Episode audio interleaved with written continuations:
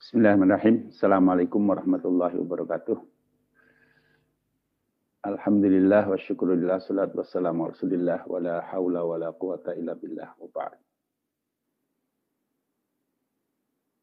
Ibu Bapak yang saya hormati, sebelum kita melanjutkan kajian pagi hari ini, saya akan menyampaikan yang pertama ralat terhadap pembacaan hadis minggu lalu ya.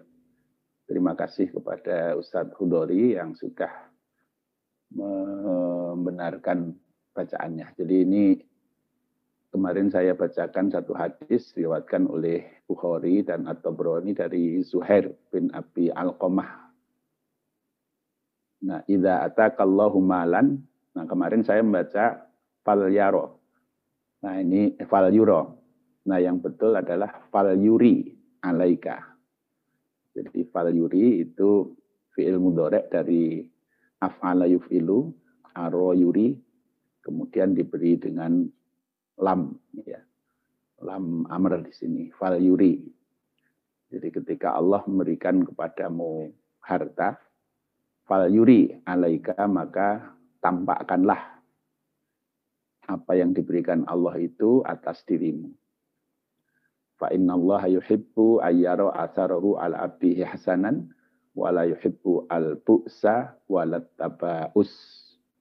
Jadi karena Allah itu suka kalau beliau melihat e, dampak dari apa yang beliau berikan kepada hambanya itu berupa kebaikan dan Allah tidak suka orang yang menderita dan e, menampakkan diri seolah-olah menderita.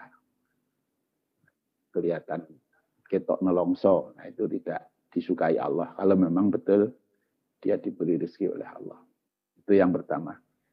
Yang kedua ada beberapa pertanyaan, tetapi yang relevan dengan topik kita kemarin.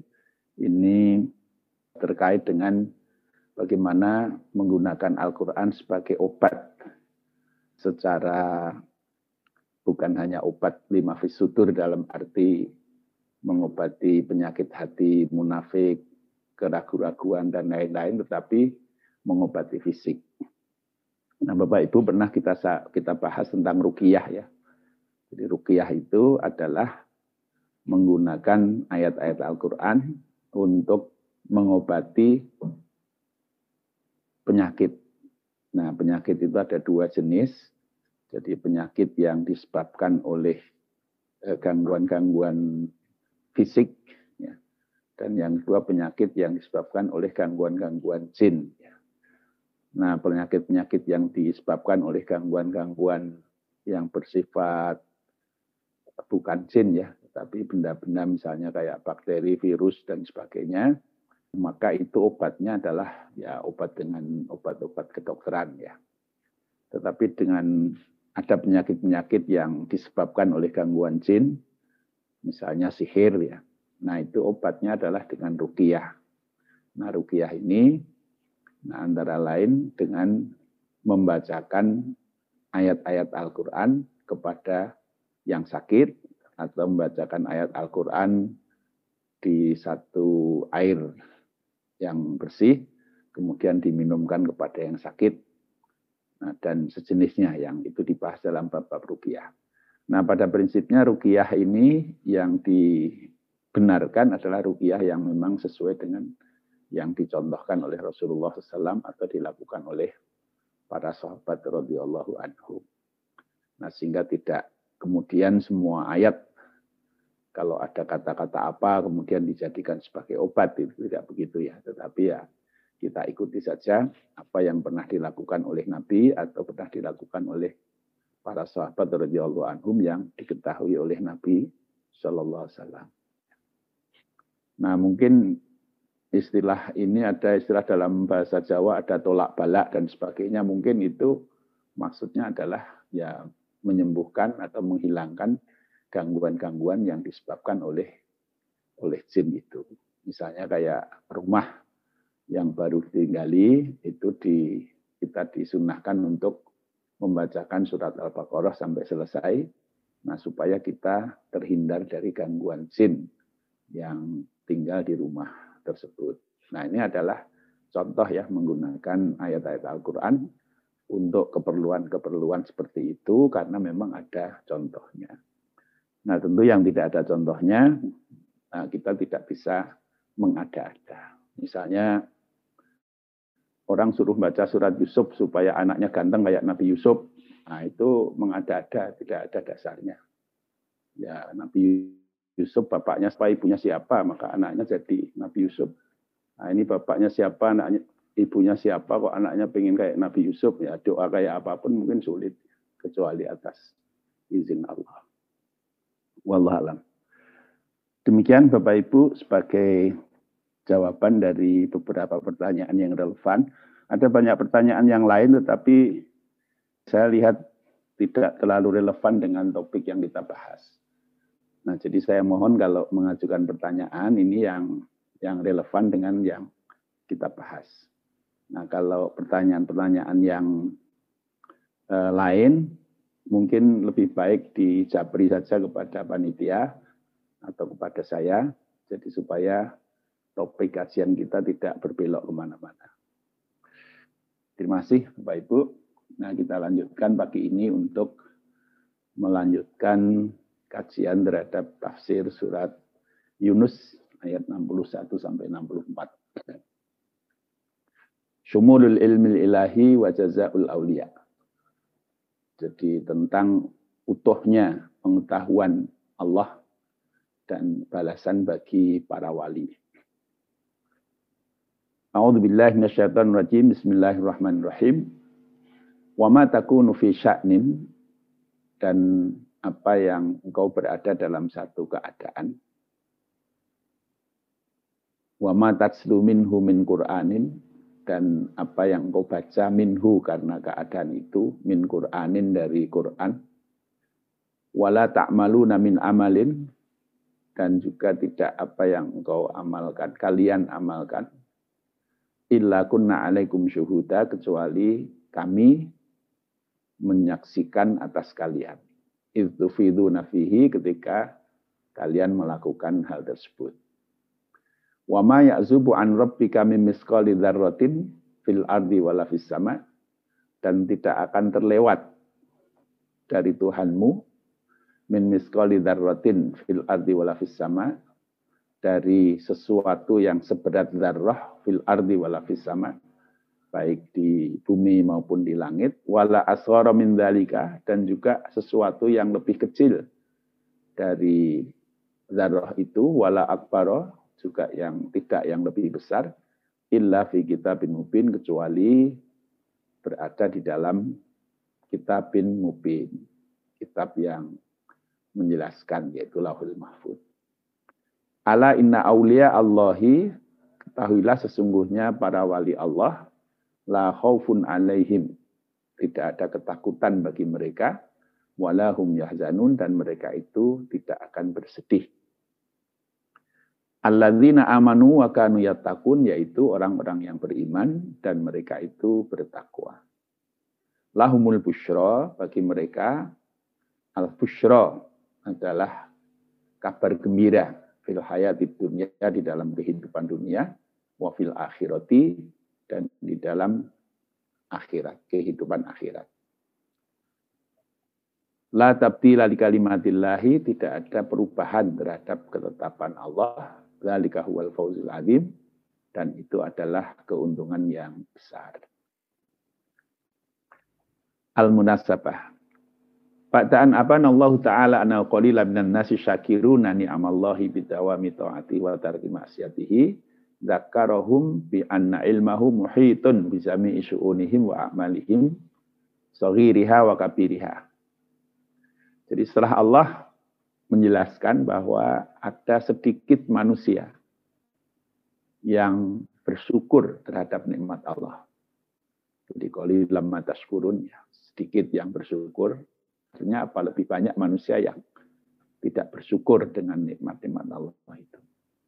Bidawami ta'atihi wa tarki maksiatihi yaitu dengan selalu menjalankan ketaatan dan meninggalkan kemaksiatan kepada Allah Zakarahum bi anna ilmahu muhitun bi jami'i syu'unihim wa a'malihim saghiriha wa kabiriha.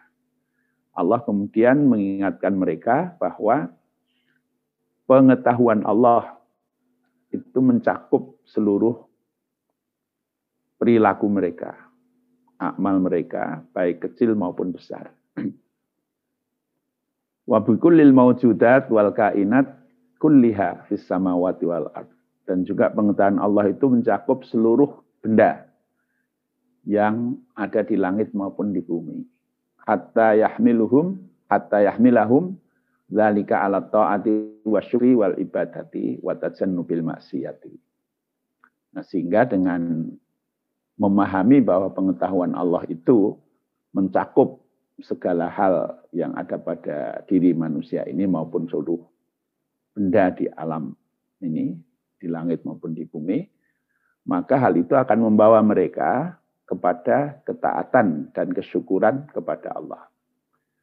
Membawa mereka kepada ibadah dan menjauhkan diri dari kemaksiatan. Nah ini harapannya dengan kita memahami bahwa Allah itu mengetahui segala hal ya yang ada di dalam kehidupan ini, maka kita akan semakin taat kepada Allah dan semakin jauh dari kemaksiatan kepada Allah. Summa hala auliya illahi syakirin al muttaqin. Kemudian setelah itu Allah menceritakan tentang kondisi para aulia Allah, para wali-wali Allah. Asyakirin al muttaqin yaitu orang-orang yang bersyukur, yang bertakwa, alladzina hasuna jazauhum fid dunya wal akhirah yang balasan mereka itu adalah kebaikan di dunia dan di Nah, ini konten secara ringkas dari ayat ini dikaitkan dengan ayat yang sebelumnya. Wa ma takunu fi sya'nin wa ma taslumin min Qur'anin wa la ta'maluna min amalin illa kunna 'alaikum syuhuda id tufiduna fi. Allah beritahu Nabi sallallahu alaihi wasallam bahwa beliau Allah SWT itu ya'lamu jami'a ahwalihi wa ahwali ummatihi wa jami'al khalaik fi kulli lahdati. Jadi Allah itu mengetahui seluruh perilaku Nabi, seluruh perilaku umatnya, dan seluruh makhluknya. Setiap saat. Sehingga beliau bersabda, wa ma takunu sya'nin wa ma taslu minhu min Qur'an. Jadi Anda Muhammad sedang dalam keadaan apa atau sedang membaca apa, nah itu seluruhnya diketahui oleh Allah SWT. Wa ma takunu ayyuhar rasul fi ayyi amrin min umurikal khassah wal ammah wa ma taslu min asli dzalika sya'an min qur'anin yang zilu alaika linasri ta'wah bainan nas illa wa nahnu syuhudun alaikum. Jadi semua yang kamu lakukan keadaan kamu sedang melakukan apa atau kamu sedang bacakan ayat apa karena sesuatu yang terjadi pada dirimu yang diturunkan oleh Allah ya. Nah, Allah itu selalu menyaksikan hal tersebut. Wa fit ta'bir bi sya'ni dalilun ala ala anna jami'a umuri sallallahu kanat azimatun. Hatta al-adatu li anahu qudwatun hasanatun lil mu'minin. Nah, di sini ada ungkapan matakunu fi sya'nin, ya fi ini. Nah, ini apa saja yang kamu lakukan ya Nah, ini menunjukkan ya at-ta'til ini menunjukkan bahwa eh, semua hal perilaku Rasulullah itu sesuatu yang agung. Bahkan sampai kebiasaan-kebiasaan beliau ya. Karena beliau adalah kudwatun hasanatun lil mu'minin. Jadi kudwah hasanah bagi orang-orang mukmin. Memang kalau secara fikih ya, secara fikih itu dibagi-bagi ada tindakan-tindakan Rasulullah yang wajib untuk diikuti dan ada tindakan-tindakan Rasulullah yang tidak wajib diikuti. Nah, tetapi secara akidah, secara keseluruhan, maka apa pun perilaku Rasulullah itu adalah sesuatu yang agung, yang menjadi contoh akhlak yang mulia, karena apa? Karena semua perilaku Rasulullah itu di bawah bimbingan Allah SWT.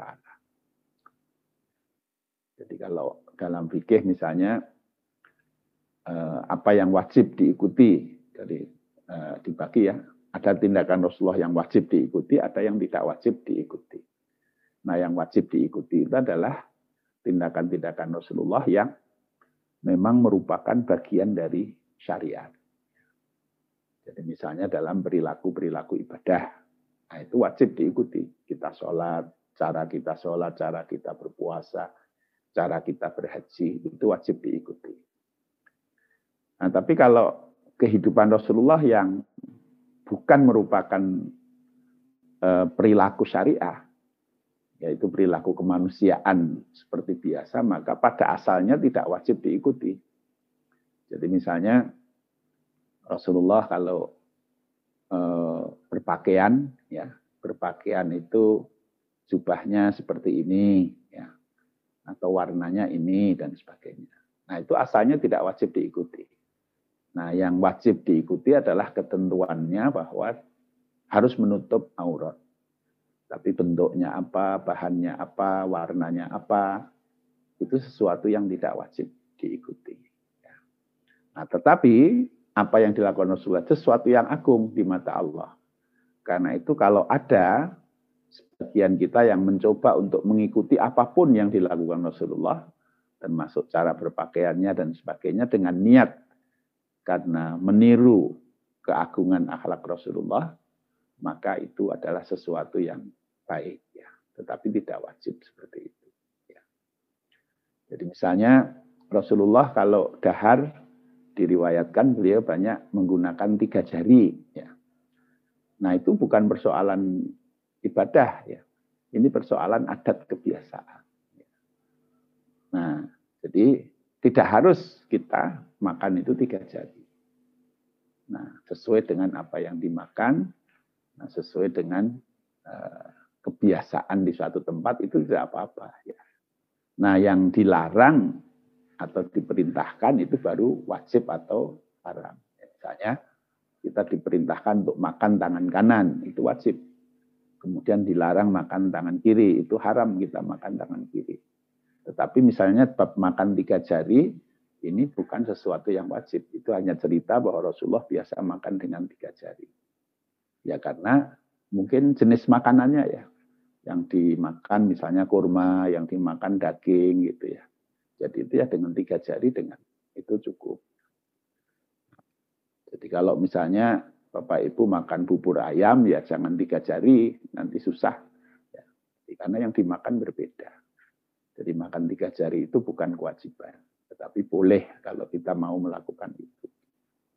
Nah ini kudwatun hasanatun lil mu'minin. Secara umum ya. Nah itu diungkap dengan matakunu fi sya'nin. Jadi apa saja yang dilakukan Rasulullah itu sesuatu yang kanat azimatan.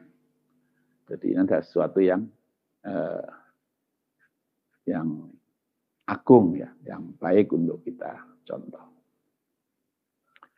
Summa khataba al ummati allati huwa ra'suha wa la ta'maluna min amalin ay wa la ta'maluna ayyatuhal ummah ayya amalin sawirin au kabirin khairin aw syarrin wa ayya amalin kana illa kunna alaikum syahidina ruqaba amuttaliina nuhsi alaikum wa sanujazikum alaihi. Nah, setelah ungkapan ini untuk Rasulullah, matakunu fi sya'nin wa matasluminhu min Qur'anin. Kemudian wala ta'maluna min amalin ini tidak hanya untuk Rasulullah, tetapi seluruh umat. Ya, di sini digunakan uh, fi'il mudhari' sama Nah, ini seluruh umat. Jadi kalau yang di depan ini kan memang untuk Rasul, mata kunu fisyaknin wa mata seluminku min Qur'anin. Nah kemudian ini untuk seluruh umat manusia. Apa pun yang dikerjakan oleh seluruh umat manusia ini, besar atau kecil, baik atau buruk, kecuali pasti Allah menyaksikannya dan akan membalasi amal itu. Idtufiduna fihi aitaddafi'una wa ta'khuduna aifidzalika syai. Ketika kamu ya terburu-buru dan mengerjakan pekerjaan itu, nah itu Allah tahu segala sesuatu. Wa ma yab'atu anillahi wa la yaghibu an ilmihi ayu syai'in. Tidak ada yang menjadi jauh ataupun yang tidak tampak dari pengetahuan Allah.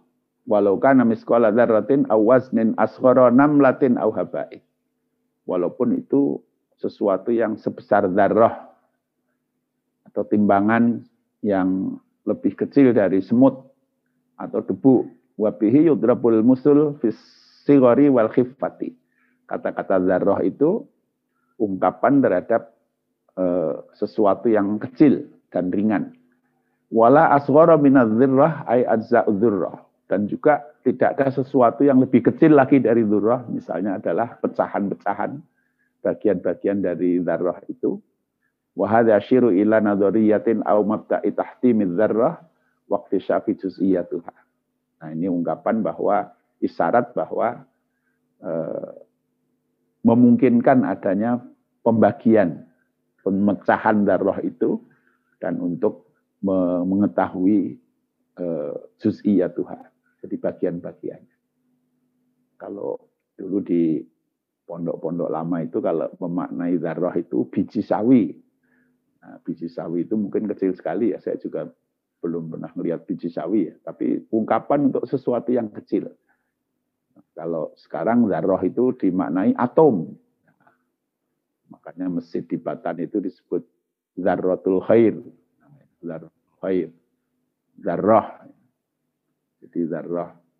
Nah, tetapi ada yang lebih kecil lagi dari zarrah. Nah, ternyata atom itu bisa dipecah lagi. Oh, ada elektron, ada neutron, ada proton. Nah, gitu ya. Itu ada yang lebih kecil lagi.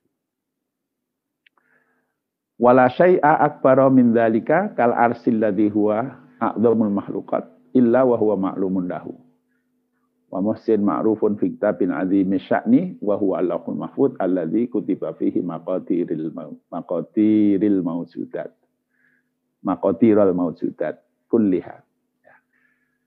nah juga yang besar-besar seperti misalnya lauhil mahfud eh, al arash yang merupakan makhluk yang terbesar ini pun sesuatu yang semuanya tercatat di dalam lauhil mahfud yang di dalamnya tertulis segala ketentuan dari seluruh benda yang ada ini.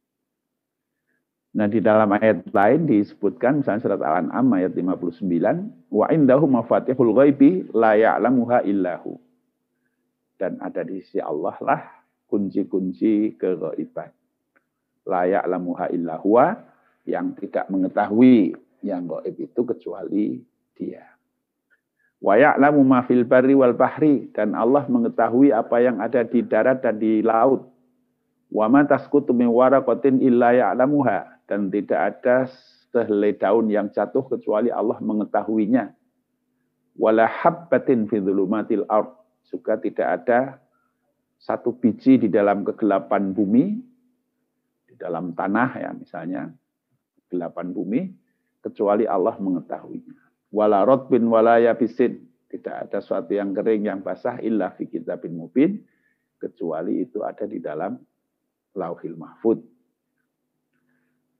Ayat annahu ta'ala ya'lamu harakatal asyar wa ghairaha minal jamadat wa kadzalika at-tawab as-sarihah wa kullu ma huwa mawjudun fi tabaqatil ard wa aswa'is sama. Jadi Allah mengetahui segala hal.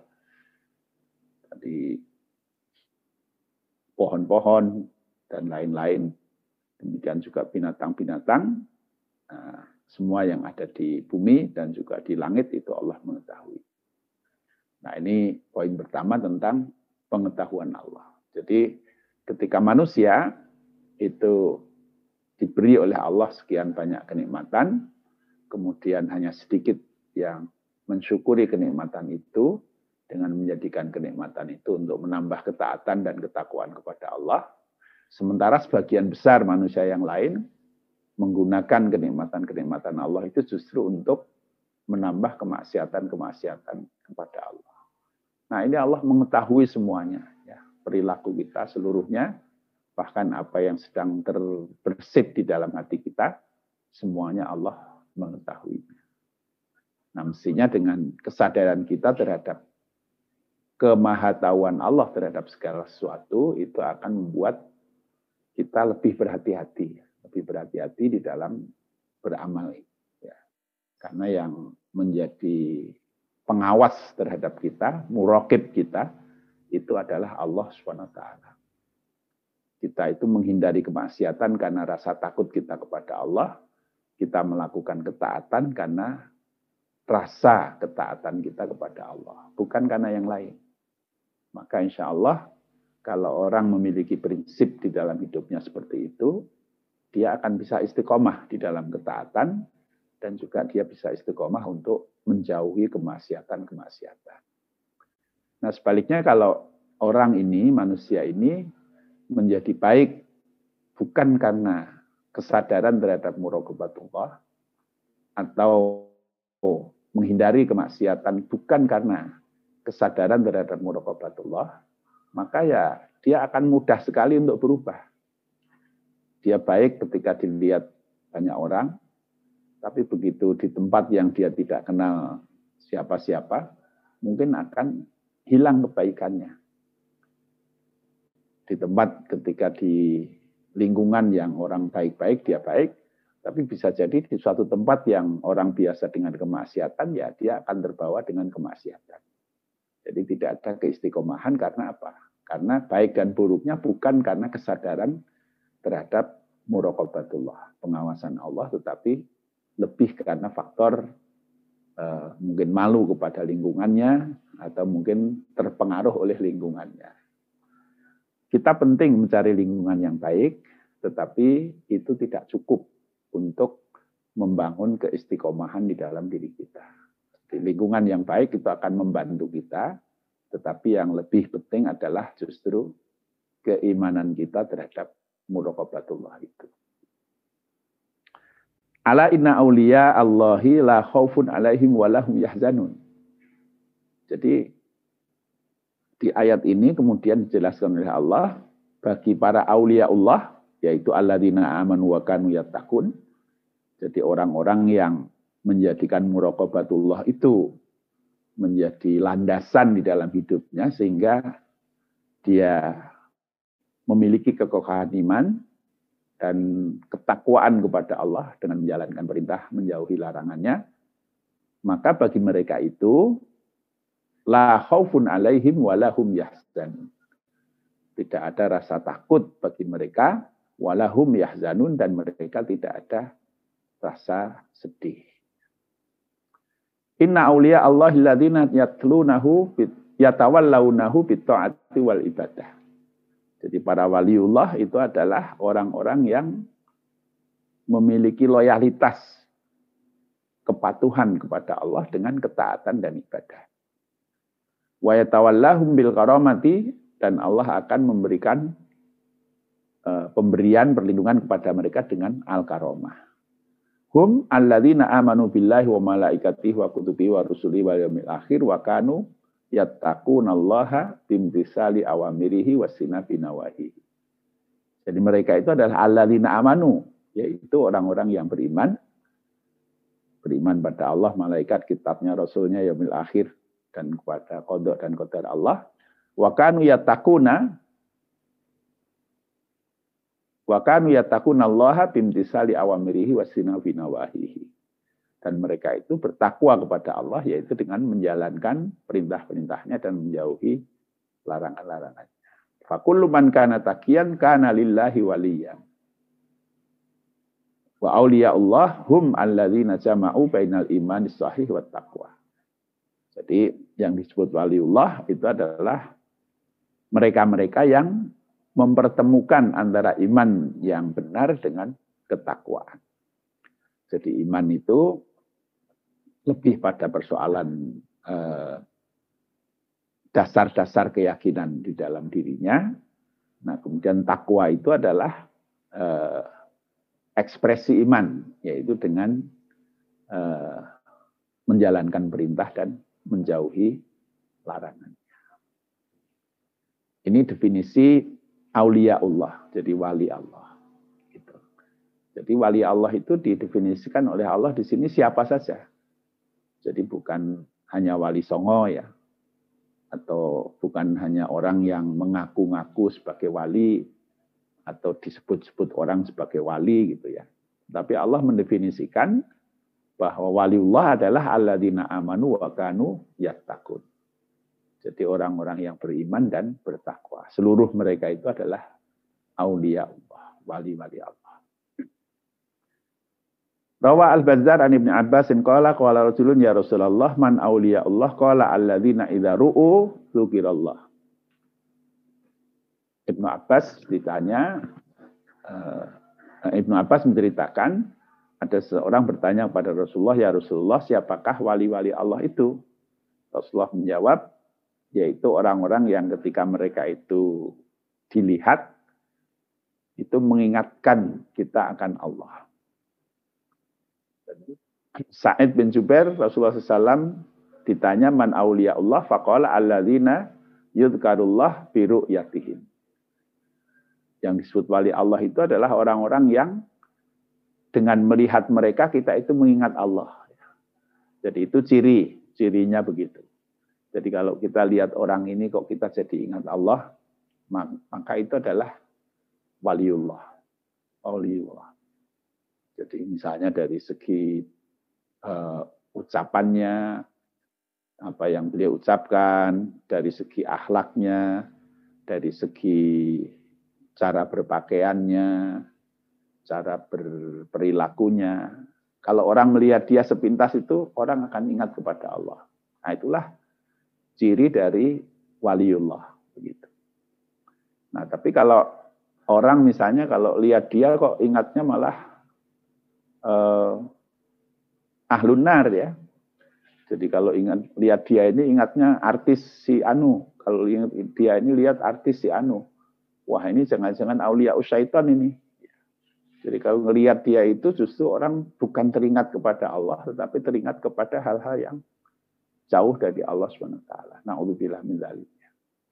Nah karena itu Bapak Ibu, eh, kita ini misalnya ya kalau berpakaian lah misalnya ya berpakaian kita berperilaku sehari-hari bergaul itu ya kita berusaha lah agar apa yang kita pakai apa yang kita lakukan apa yang kita ucapkan itu selalu mengingatkan orang kepada Allah nah mudah-mudahan dengan itu kita akan dimasukkan oleh Allah sebagai aulia Allah sebagaimana yang didefinisikan oleh Rasulullah Sallallahu Alaihi Wasallam. Jangan kita uh, pakai pakaian yang kalau orang lihat kita ingatnya koboi. Nah, kalau kita berpakaian, kalau orang lihat kita uh, ingatnya adalah uh, inilah orang-orang yang tidak baik. Nah kalau begitu ya bisa jadi kita jauh dari sifat aulia Allah sebagaimana yang diungkapkan oleh Rasulullah Alaihi Wasallam. Nah, walaupun mungkin kalau secara fikih ya, ya ini kan sudah menutup aurat.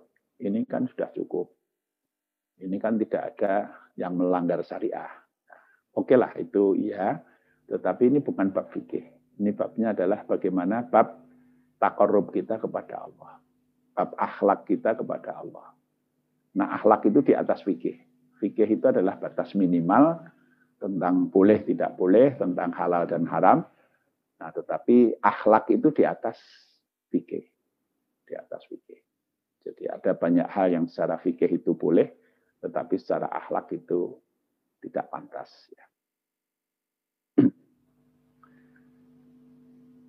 Waqala Umar bin Khattab fi ma rawahu Abu Dawud sami'tu Rasulullah sallallahu alaihi wasallam yaqul inna min ibadillahi ibadan ma hum bi anbiya'a wala syuhada'a uhumul anbiya wa syuhada yaumal qiyamah.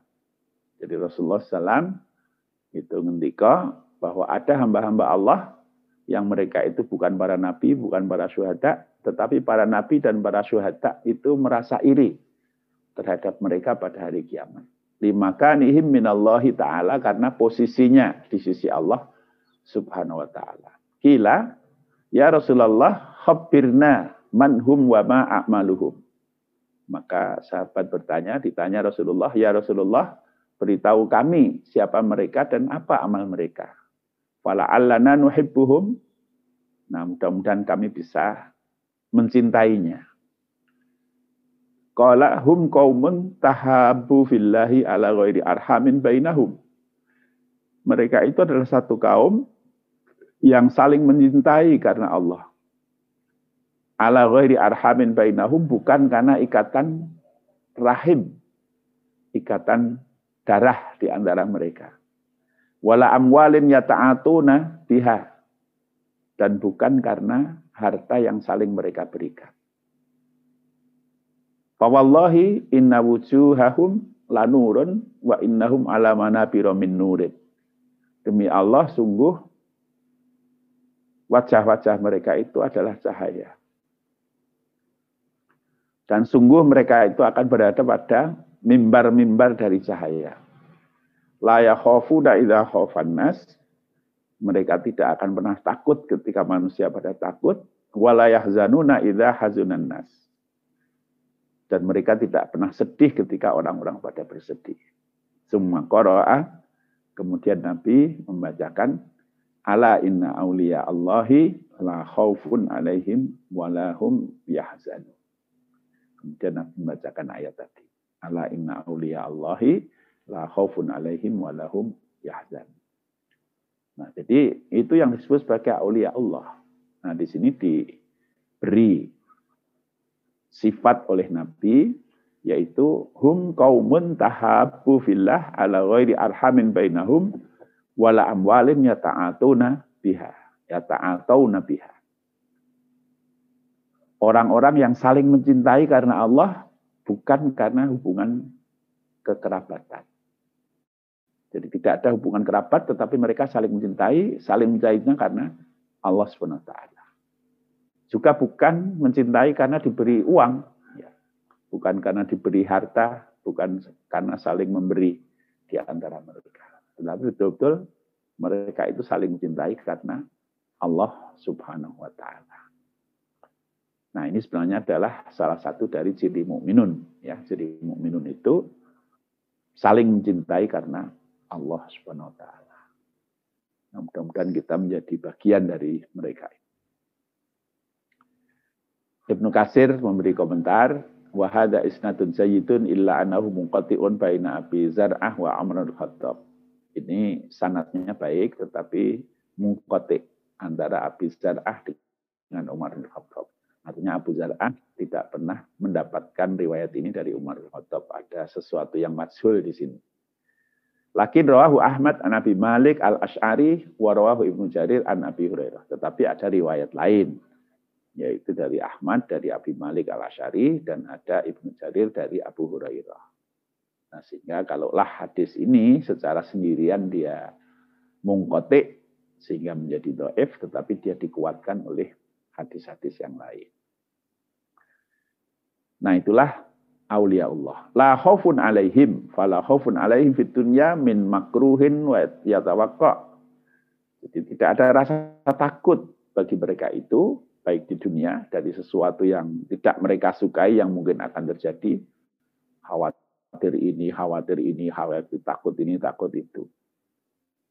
Sebagaimana Allah berfirman, "Fala takhafuhum wa khafuni in kuntum mu'minin." Kamu jangan takut pada mereka, tapi takutlah padaku, Allah, jika kalian adalah orang-orang yang beriman. Ali Imran ayat 175. Ai la takhafu auliya asyaiton wa ansarahu. Jangan kalian ya takut kepada aulia usyaiton kepada teman-teman setan itu dan kepada para pembela setan itu. Jadi orang mukmin yang bertakwa itu tidak pernah takut kepada musuh-musuh Allah, baik yang berupa manusia maupun yang lain, ya, yang mereka itu adalah aulia usyaitan. Wala khaufun alaihim fil akhirati, demikian juga mereka tidak punya rasa takut nanti di akhirat, mimma yakhafu minhul kuffar wal usah min ahwalil mauqif wa adzabil qiyamah wa adzabil qiyamah. Dari sesuatu yang nantinya akan ditakuti di akhirat itu dari uh, oleh orang-orang kafir, apalagi maksiat, yang berupa eh, kondisi-kondisi di akhirat nanti maupun azab di hari kiamat. Nah, sebagaimana Allah berfirman, la yahzunhumul fazaul akbar. Jadi mereka ini orang-orang yang bertakwa itu tidak akan dibuat sedih oleh kejadian yang besar yaitu terjadinya hari kiamat itu. Walahum yahzanun dan mereka itu tidak akan bersedih. walahum yahzanuna fid dunya min fawati ma'mulin walahu kemakruhin wa dhihabi mahbubin. Jadi mereka tidak pernah bersedih di dunia ini dengan tidak tercapainya sesuatu yang dia angan-angankan atau akan sedih atau khawatir dengan berhadapan dengan sesuatu yang tidak disukai atau sedih dengan hilangnya sesuatu yang dia cintai. Kenapa? Li'annahum yu'minuna bil qada'i wal qadar. Karena orang-orang mukmin dan mutakin ini mereka percaya pada kodok dan qadar. Jadi seluruh hal yang terjadi pada kita ini sudah ditulis oleh Allah di Lauhul Mahfud min qabli an sebelum kejadiannya itu sendiri. Jadi kita tidak pernah takut dengan tidak pernah khawatir dengan apa yang akan terjadi. Mungkin akan kita akan sakit suatu saat, mungkin akan meninggal suatu saat, mungkin akan mengalami ini suatu saat. Tidak usah khawatir karena seluruhnya sudah ditentukan oleh Allah SWT dan kita meyakini bahwa apa yang ditetapkan Allah bagi kita itu adalah sesuatu yang terbaik untuk kita. Nah, sehingga tidak pernah khawatir, tidak pernah bersedih, tidak pernah uh, apa ya, ya gamang dengan masa depan ya. Jadi ini ya kita jalani saja seluruh yang ditetapkan Allah dengan sabar dan syukur. Kalau diberi oleh Allah kebaikan kita bersyukur, meningkatkan ketakwaan. Kalau diberi hal yang buruk pada kita, kita bersabar dan kesabaran itu akan membawa kebaikan pada kita. Nah, ini la khaufun alaihim wa lahum yahzanun. Nalahumul busyra fil hayat dunya fil akhirah la tabdil kalimatillah dzalika huwal fawzul azim. Nah, busra ini kabar gembira. Ya. Nah, busra fil hayat dunya satu bin nasri wal istikhlaf fil ardi madamu ala syar'illahi wa dinihi. Yuqimuna shalah wa yu'tuna zakah wa ya'muruna bil ma'ruf wa yanhauna 'anil munkar. Jadi kabar gembira bagi orang-orang bagi aulia Allah, orang-orang beriman dan orang yang bertakwa ini pertama dengan diberi pertolongan oleh Allah dan diberi kekuasaan di muka bumi ini sepanjang mereka berpegang pada syariah Allah. Ini sebagaimana diungkapkan oleh Allah di dalam surat Al-Hajj ayat 41. Wala yang suran Allahumma yang suruhu inna Allah laqawin aziz alladzina in makkannahum fil ardi aqamus shalah wa atuz zakah wa amaru bil ma'ruf wa nahaw 'anil munkar walillahi aqibatul umur. Silahkan nanti dilihat terjemahnya sendiri. Nah, kemudian di surat An-Nur, surat 24 ayat 55, Wa adallahu ladina amanu minkum wa amilus solihat la yastakhlifannahum fil ardi. Nah, ini busyra di dunia. Akan diberikan oleh Allah eh, kekuasaan eh, sepanjang kita eh, berkomitmen kepada syariah Allah dan akan ditolong oleh Allah. Wa min basyairi dunya lahum ru'ya as-salihah. Nah, sebagian dari bushra di dunia ini adalah diberi oleh Allah ar-ru'ya as-salihah, mimpi-mimpi yang baik. Imam Ahmad dan Al-Hakim meriwayatkan dari Abi Darda dari Nabi SAW dalam firman Allah humul bushra fil hayatidnya fil akhirah qala ya ar-ru'ya as-salihah ya rohal muslim lahu. Nah, salah satu dari bushra jadi kegembiraan yang diberikan oleh Allah di dunia itu adalah Ar-ru'ya as-salihah, mimpi yang baik. Ya rohal muslimu, yang seorang muslim melihat mimpi itu,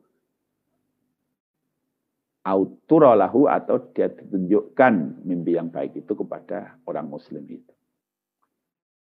Wa minal basyair al-bushra al-malaikatu lahum bihusnil hal wa bidarajati rafi'ah dan naza' Salah satu bushra bagi orang-orang mukmin dan mutakin itu adalah kabar gembira yang diberikan oleh malaikat dengan keadaan yang baik dan derajat yang tinggi ketika nanti nazak ya ketika kita menghadapi kematian.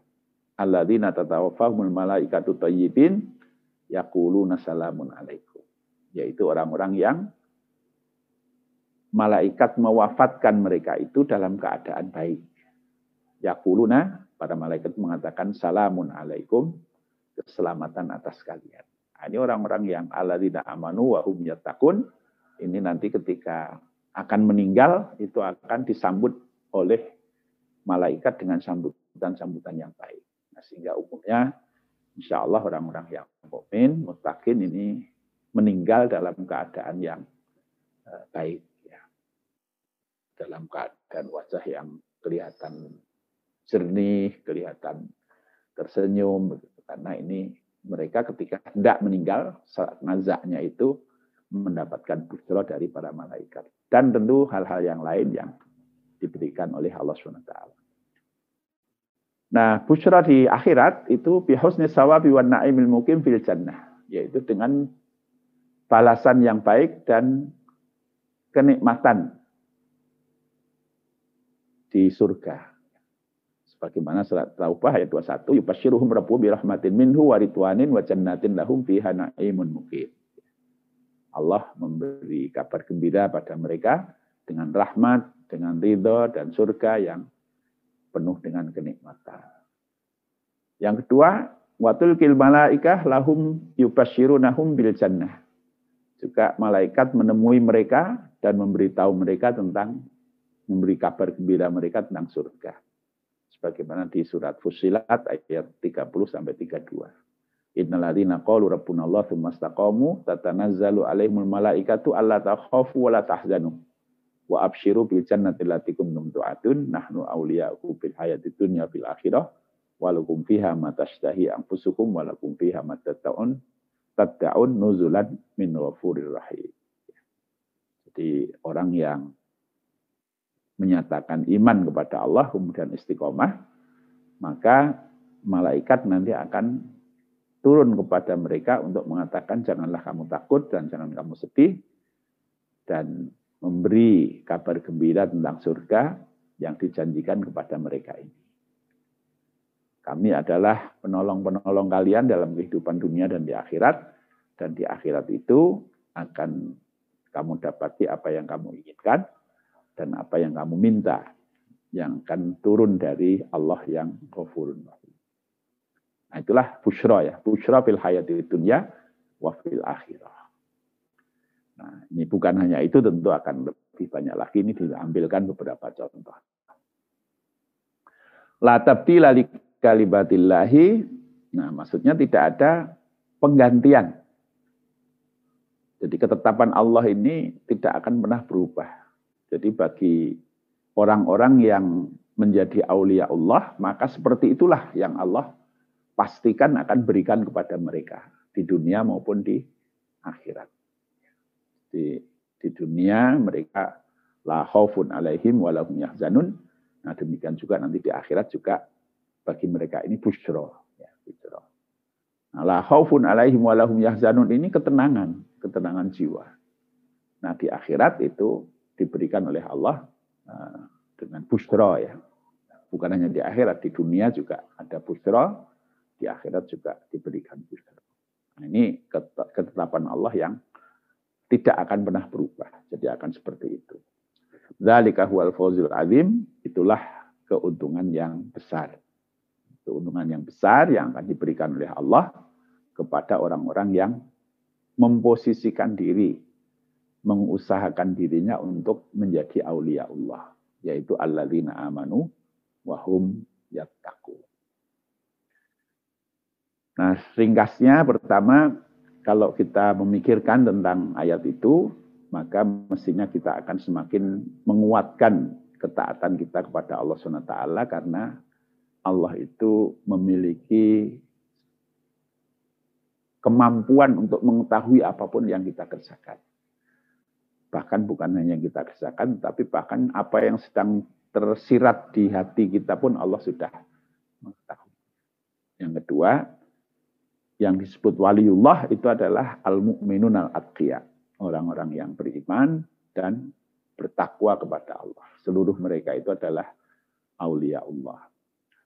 Kemudian bagi aulia Allah itu, bagi mereka bushra fil hayati dunya wa fil akhirah. Demikianlah Bapak Ibu yang bisa kita baca pada pagi hari ini. Nah, mudah-mudahan memperkuat uh, keimanan kita kepada Allah, dan memperkuat eh, diri kita, keistiqomahan kita di dalam ketaatan kepada Allah dan menjauhkan diri, diri diri kita dari kemaksiatan-kemaksiatan kepada Allah Subhanahu wa taala. Taufiq Assalamualaikum warahmatullahi wabarakatuh.